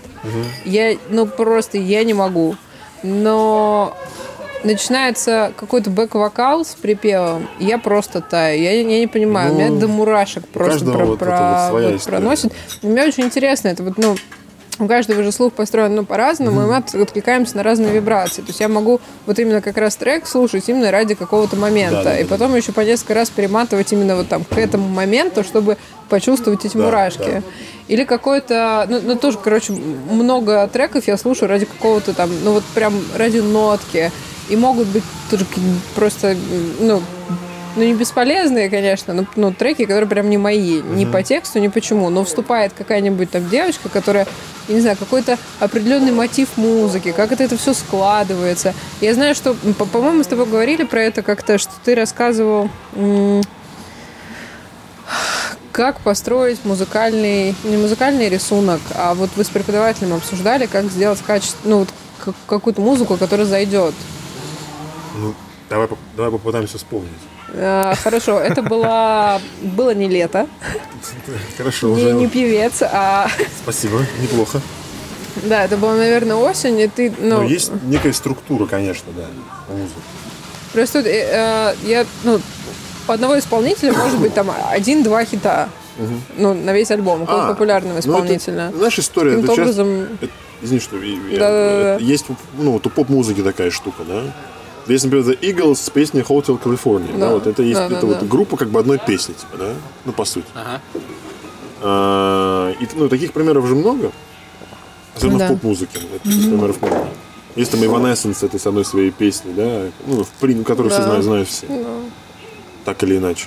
А, есть, ну, как бы целая наука вот этого изучения восприятия человека. Ну, ну, звук, волна же, да, и ты смотришь, как, что, как, как твои барабанные перепонки резонируют на, эту, на эту волну. И я знаю, где-то читал в какой-то книжке, что условно в, там, в больших лейблах есть люди, которые знают, там, какой такт и какая нота на какой секунде должна быть, чтобы это был хит. Ты знаешь, как это считается? Как считается, не скажу тебе, нет.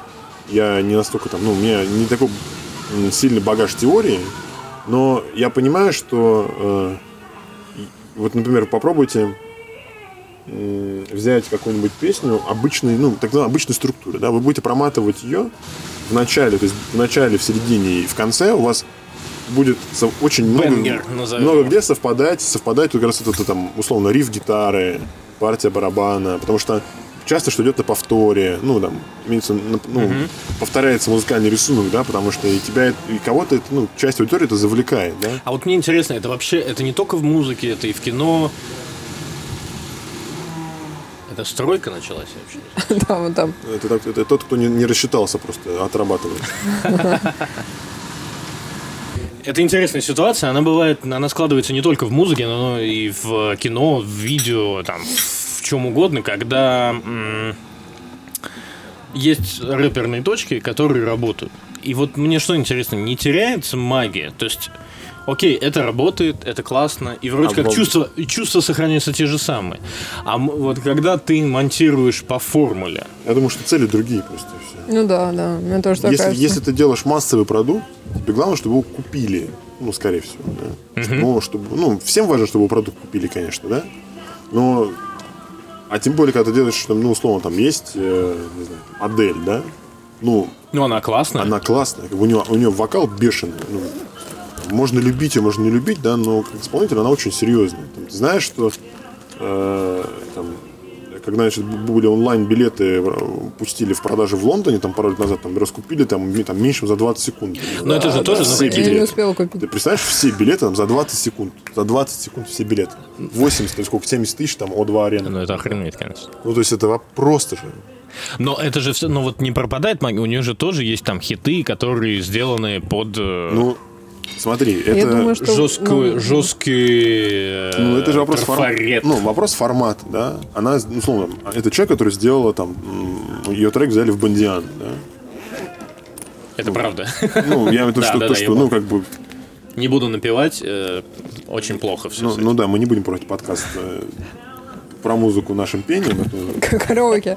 да, еще Так. пока, еще мы пока еще трезвые, вот. Поэтому, короче говоря, эм, это же тоже как бы некий путь, да, когда ты там, ну, когда ты себя в коммерческой так вот, ну, какой-то стезе тоже реализуешь. Ну, короче, магия остается все равно Магия вне оста- зависимости от того, как это сделано. я, я думаю, что это, ну, как бы это идет от посыла, ну, изначально. Вот смотри, Майкл Джексон, да, вот Майкл Джексон, это, ну, как бы, в магии его всем понятно, да. Я недавно посмотрел, мы, мы с Настей смотрели Neverland, А, я не смотрел. А, И, честно, я не хочу смотреть. поэтому как-то отношение немножко стало Ну, сложнее к нему. э, но после- но- по- фе- феномен, безусловно, После талант, этого фильма гений и так, так пошли диск... Ну, я, вот, если там про это сказать, я считаю, что я не знаю, там, что творил ли он, творил ли он то, в чем обвиняют или нет, но есть человек-музыкант, а есть человек-человек. как бы, Да? То есть есть человек-творец, а есть там, Безусловно, человек и поэтому я говорю, да, что с своими пороками и так далее. тут вопросов нет. И когда мне говорят, что я не могу слушать Джексона после Неверленда, ну, как бы, ну, я не очень понимаю, мне странно. Ну, короче, суть- ладно, это не, это не столь важно.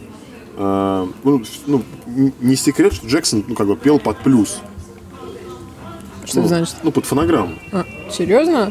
Да, он, он использовал плюс в своих выступлениях, потому что, ну, если вы видели его перформансы, да, которые он исполнял, они же Ну, невозможно петь и ну, то есть это нужно держать. Да, да, так- да. должна быть сильная дыхалка для того, чтобы выдерживать и Но я, кстати, перформанс, тоже не знал, что он под и плюс танцы, ну, весь этот танец, и все это шоу, которое он, но, ну, ну, не то, что он прям, типа, пел прям совсем под фанеру, но он, прими- он применял ее там в каких-то моментах, да, и это, в принципе, там не какое-то большое откровение, но его ценность от этого как бы не ушла.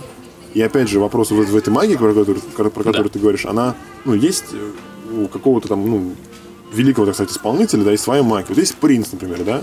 Вот я, условно, сколько пытался послушать, послушать Принца, я, хотя он, он считается там выдающимся музыкантом в свои, там, еще в свое время, и там, как Дэвид Боуи, например, тоже, но я вот, ну, я, я пока их не могу как бы их понять, вот, вот то, за что и, там, их вот. То есть я понимаю, за что их любят, там мне рассказывали вот за это, вот за эти там, вот за это вот как бы его там облик, каким он, как он был персоной, как он там одевался, как он выступал, там, какая у него была музыка, она была такая новаторская и так далее. Но мне, например, она не очень близка. Это, Ну, то есть, если... Я к чему, да? Если резюмировать эту тему, то по факту никакая схема рабочая не портит... э, Ну. Исполнителей не портит песню, Просто главное, что человек с этим несет, да, то есть условно это, это все эти схемы как инструмент работают на Ну, смотри, хорошую идею ровно так же, как Смотри, и на плохую. музыка это в принципе схема, музыка это в принципе математика, по сути. Ну да, да. есть ну то есть по, по факту от этого ничего не есть портится. там, Просто ну, тут Сочетание нот, там, да, вот этих там полутонов, тонов, то есть это все же, ну, то есть, грубо говоря, это можно все посчитать, как, там, как что сыграть, неважно, там, на каком инструменте, то есть это, это, это система, да, и система есть музыкальная, система есть звукозаписывающая, там, и так далее.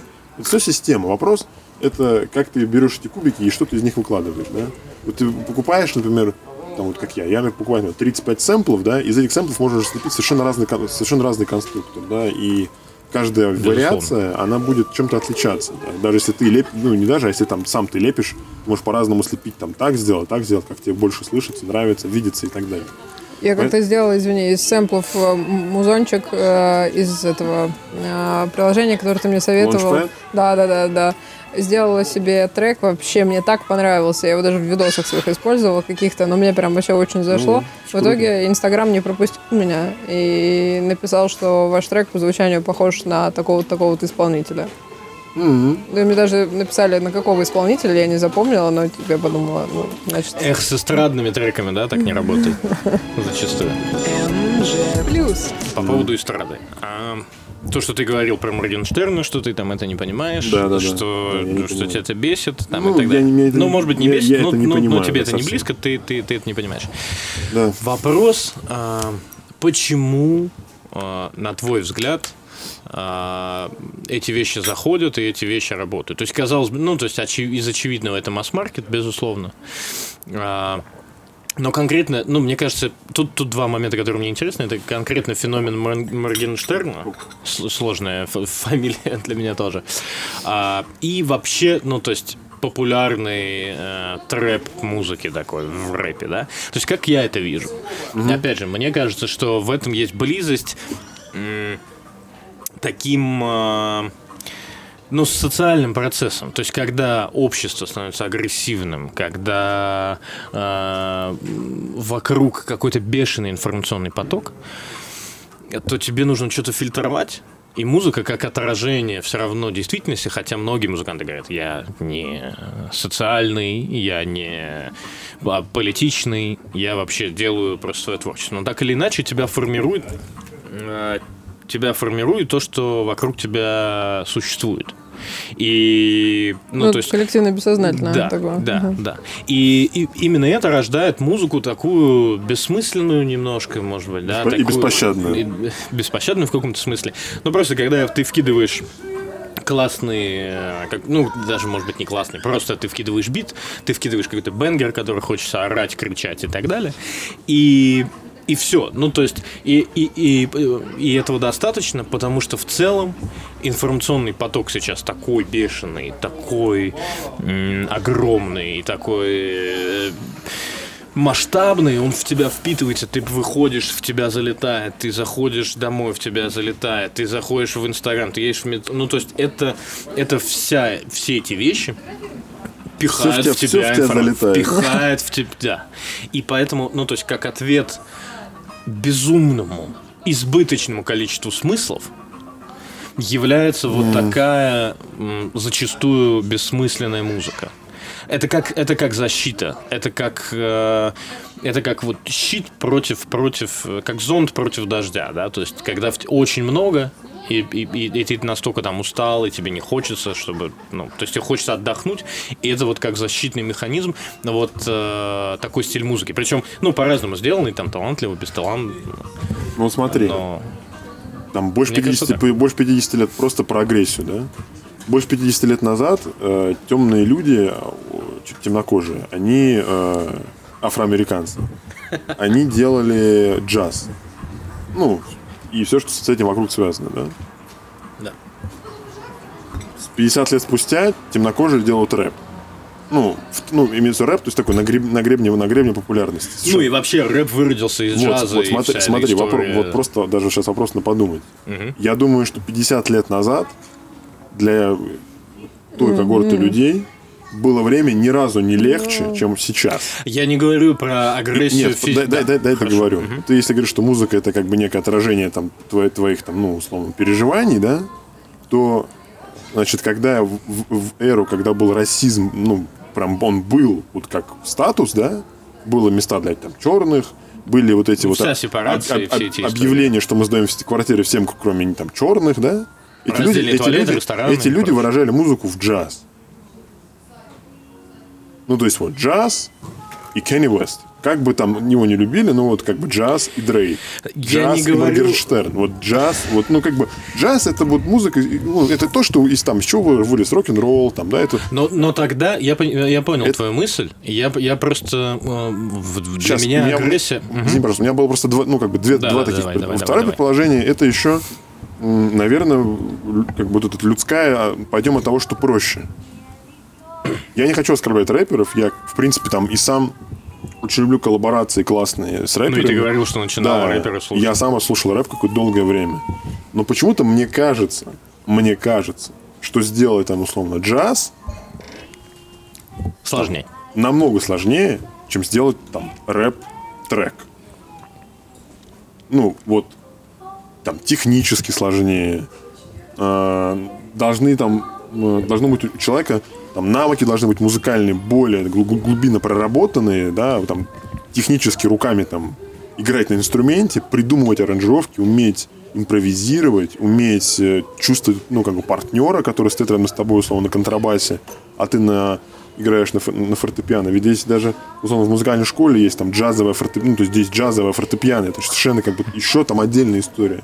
Если посмотреть, например, условно, там, как джазмен играет на фортепиано, ты, ну, есть, как бы, есть такой момент, когда ты не успеваешь как бы за их пальцами, у тебя не, ты не понимаешь, как так, ну, я, например, там, какое-то время учусь играть на фортепиано, я не, ну, вот, я не понимаю, как это возможно. Причем они играют это, как, как газету читают, ну, то есть вообще все, все нормально у человека, все в порядке. Это, Очень- ну, то есть ценность и вклад музыки, там, я понимаю, что сейчас время рэпа, да, то есть было, было, было время рок-н-ролла, потом было время рока, там, было время тяжелого рока, да, сейчас как бы во- волна вышла в другую, но мне просто кажется, что вот эта музыка сейчас современная, под которую там люди, ну, так, так скажем, колбасятся, и которые там, эй, эй, вот это слушают это все, что она, ну, м, непонятно, во что это разре- разрешится, да. Пон- мы, поняли, мы поняли, во что, например, там джаз в свое время разрешился, как, какие он там дал идеи для других музыкантов, как можно делать другую музыку, там, во что это вышло.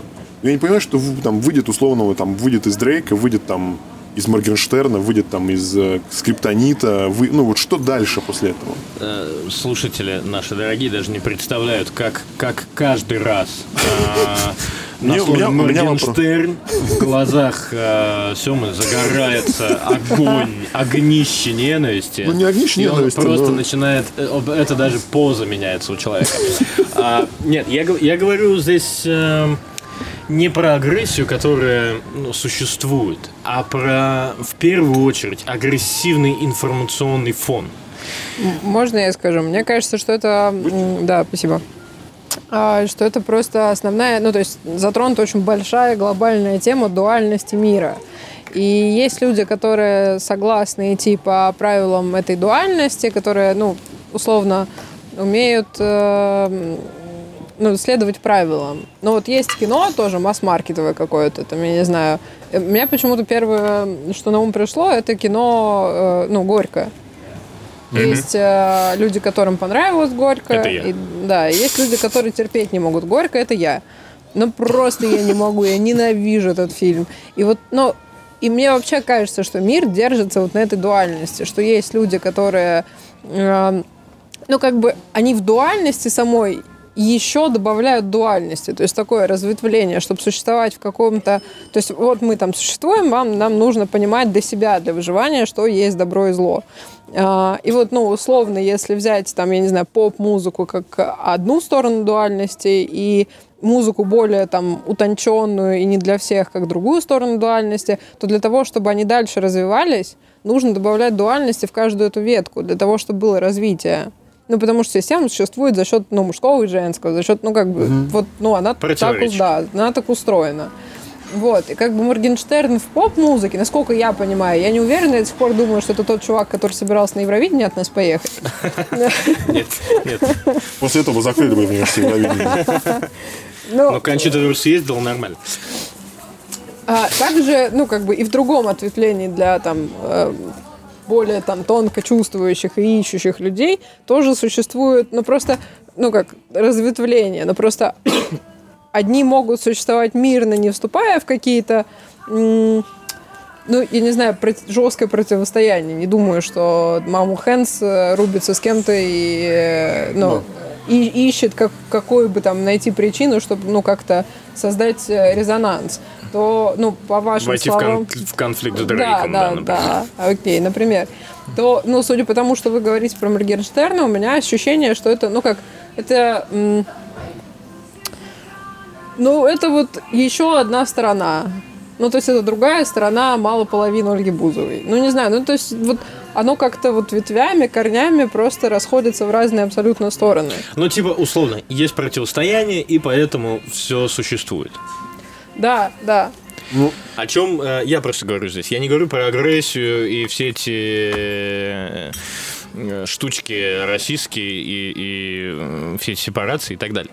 Я говорю о том, что не о том, что агрессии стало больше, а о том, что информационный фон стал таким агрессивным. Вот я про Не- это и говорю, да. Извини, я тебя еще раз перебью, потому что мне- ну, я прям очень хочу донести эту мысль, что а, люди, которые решили играть по правилам нашего мира, которые создают быструю музыку, которые создают рэп, которые ну, делают быстрый трек, ну, я рэп, на, в смысле, опираясь на контекст съемок а, про сложность джаза и, и рэпа, я имею в виду, что эти люди как раз, ну, типа, материалисты, они поняли, как, ну, как играть по правилам, ну, вот сейчас.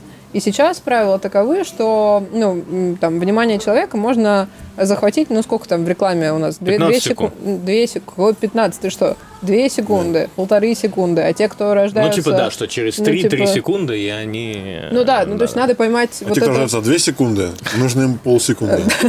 чтобы поймать э, внимание. Если ты не ловишь внимание, если ты там уже не раскрученный какой-то супер артист, и ты ну, можешь выдать какую-то условно не очень хороший музон, и это все равно как бы будут слушать меньше, но будут, то для того, чтобы ворваться в эту индустрию, нужно создать какой-то прецедент.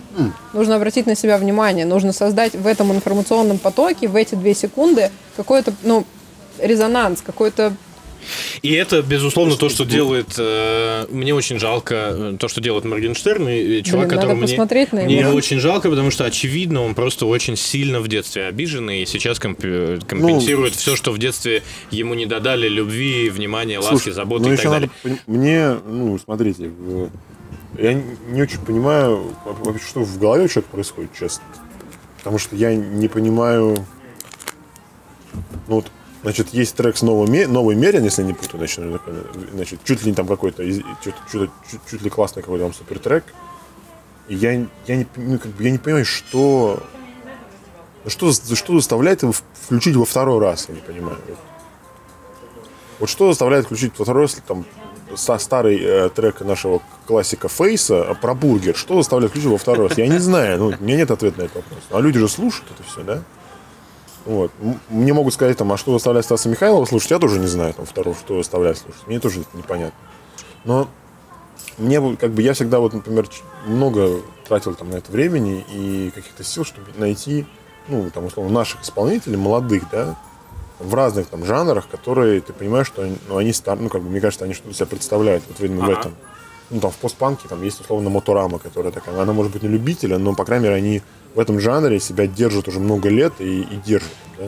Есть там и, и еще как бы целое целое. Я нашел недавно нового электронного там, да, исполнителя, вообще случайно совершенно. И ну, надо признать, то, что как бы такой электронной музыки, в принципе, она не такая уже прям замысловатая, но она настолько атмосферная, например, что я... У меня, например, башню сорвало просто, серьезно. Я там полторы недели или две вообще не- не- ну, в запой музыкальный типа, ушел на одну группу. А у меня такое бывает, бывает, но редко. Бывает, конечно. Суть, короче, в том, что... В целом, по всему твоему спичу, мне кажется, понятно. Понятны твои претензии к нему. Но Да это не э, претензия. признавать, ну, ну, это, не, это, скажем, не, это не претензия, это, скажем, это скорее непонимание. риторические вопросы Рит- непонимание. да. Риторические вопросы, да. А, тут, ну, ну, мне кажется, все очень просто. Можно там рассуждать о том, что, насколько это прикольно, не прикольно и так Да. далее. А, но нужно погружаться там в тему, чтобы это понимать. безусловно. И- но по факту количество его упоминания в разговоре говорит о том, что это явление сейчас 100%.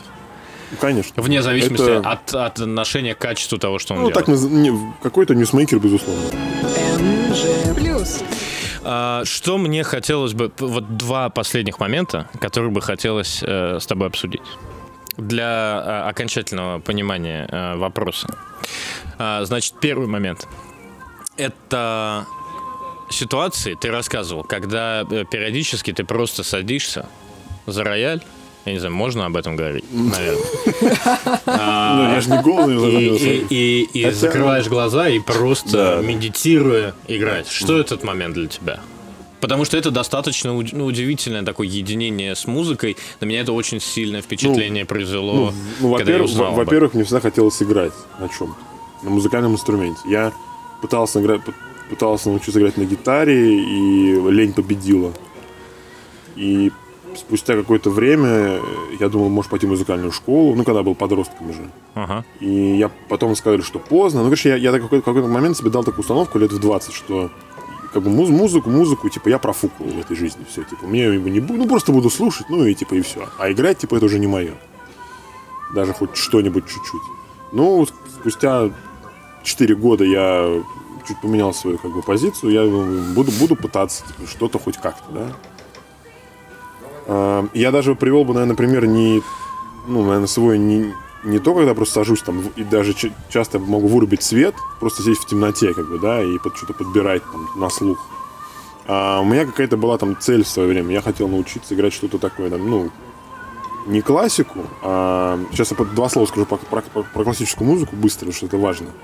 А, Я очень долго не мог ее понять вообще. Я, я долго пытался там, начать слушать там, Чайковского, ну, в общем, не знаю, Ш- э, Шопена там, и так далее. В общем, все, ну, как бы, се- серьезную, как бы, ну, такая серьезная музыка. Надо там, надо, на- надо. Ну, надо, потому на- что каждый человек надо должен знать, надо что там это Моцарта, такое. ну, вот это все, Бетховена посидеть, там, Бах и так далее. Вот я, ну, какое-то, какое-то количество времени вообще не понимал, ну, за что там, вот ну, за что вот, э, вот, их так возносят. Я там с музыкантами общался по этому поводу. Меня, например, некоторые как на дебила, как бы, ну, потому что там я не профессионал в этом плане, а они профессионалы.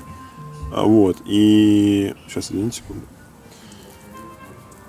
И потом я, у меня 4, 4 подхода было в жизни. Вот на пятый раз я начал ее понимать.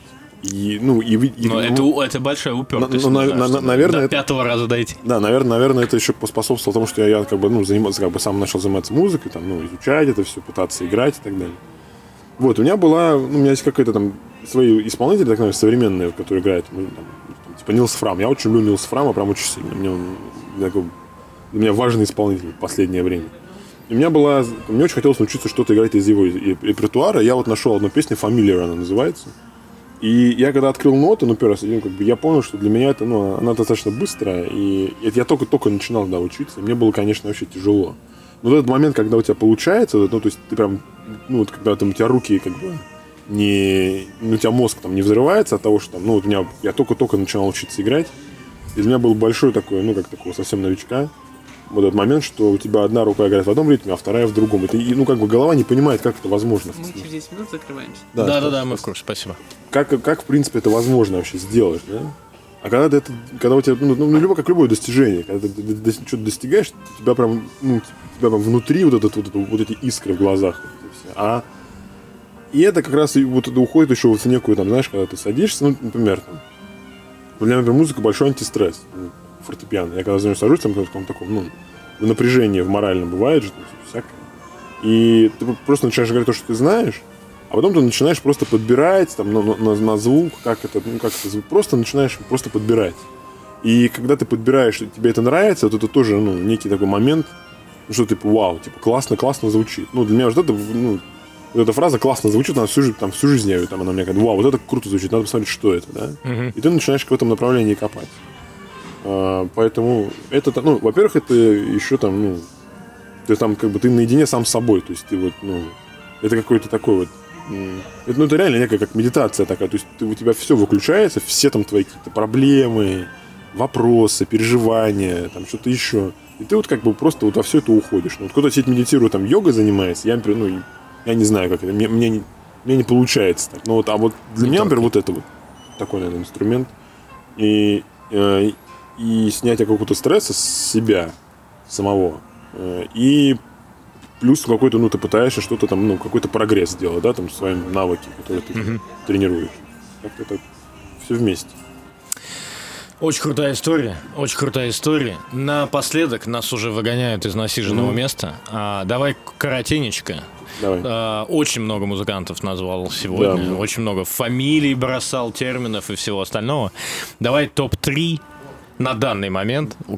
Прям Вообще ненавижу такие вопросы. музыкант, поним- все их не Очень любят, ненавижу. все их не любят, э, никто э, не любит, Э, все Ну, ненавидят. и давай я так ска- скажу так. Я скажу, может быть, какую-то там часть, которых я сейчас очень много часто слушаю. Не топ-3, да. Ну, то есть это не, не что-то, что типа они лучшие, а Да, что-то, что актуально, который скажем. сейчас, ну, это Нилс Фрам. Это вот прям стопуду. Причем что-то чем дальше, тем больше. И я от какие-то новые треки, которые раньше я, например, не замечал, я начинаю как-то их по-новому воспринимать. Нилс Фрам и не знаю, я сейчас попытаюсь как-то что-то еще сказать. М, Ну, до какого-то времени это был Unchanged, там, ну, у меня, у меня был период, когда я только его слушал. И и- это российский чувак. Да, это российский чувак. Э, Блин, ну я не, я не могу сказать, я не могу сказать три. Слушай, ну это может быть типа Go Go Penguin, там, это, ну, это может быть точнее так, это может быть Fusion Jazz, куда входит Mammal Hands, Go Go Penguin, Против квартет, там, ну, тут и там, то, что я знаю, например, да. Ну, шикарно. Списочек в целом мы Это- получили. это А есть, кто- есть потрясающая группа, у нас еще три минуты, есть потрясающая, потрясающая группа Киасмус, ну, такой, это, это дуэт, точнее. Это Алафор Арнольдс, который тоже типа неоклассик. Плюс они делают с диджеем электронную музыку, то есть она такая, она такая, она очень нетипичная и многослойная, очень интересная. Спасибо. А, Мы все- просто, чтобы вы понимали, выпили три чайника чая и ни на секунду не прервались. Да, Это мы очень ответственно подошли к вопросу. Мы получили этот список. а, Список э, последний мы оставим в описании. Все остальное, ребята, ищите, э, слушайте и, и ищите в э, iTunes, Яндекс Музыки. И теперь это возможно сделать в Spotify. Spotify. А, Спасибо всем большое за эту Спасибо беседу. то, что По-моему, по- получилось позвали. классно. Да. Хотелось бы, можно было бы еще разговаривать. А, Но вот сегодня а, тайм-лимит. Мы э, найдем студию, возможно, тогда будем разговаривать Да, без круто. всяких без всяких лимитов. С А, памперсами. Настя, да, спасибо большое, ребята, очень круто. Я, мне кажется, это такая классная идея, которую вы придумали, и я надеюсь, что она стартанет успешно, что может быть, что-то сегодня, то, что я сказал, людям будет интересно. Еще один совет напоследок. Всегда, когда слушаете что-то новое, слушайте до конца. Дайте музыке шанс вас удивить. Вот это самое такое, то, что я совсем говорю всегда. Круто, красиво. Ребята, слушайте музыку. Спасибо, что вы с нами. А, Call to action никакого не будет. Слушайте музыку. Слушайте музыку. А, И еще в есть- плане подписывайтесь на канал. Вот этого И я еще есть, одна, не еще, буду. еще есть одна фраза, у нас есть еще буквально минута. Значит, э, э, много, много кто будет слушать эту музыку, потому что она грустная, например, да, которая, там, я, про которую я говорю. Но есть, есть одна фраза, которую я тоже очень люблю, что э, в мажоре вся прелесть жизни, а в миноре вся правда жизни. Так что Красиво. Еще раз всем спасибо. Слушайте нас обязательно. А, Если хотите, а, подписываться. Не обязательно. Пока-пока.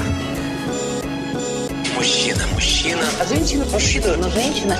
А мужчина? Женщина. Женщины. А мужчины? Плюс.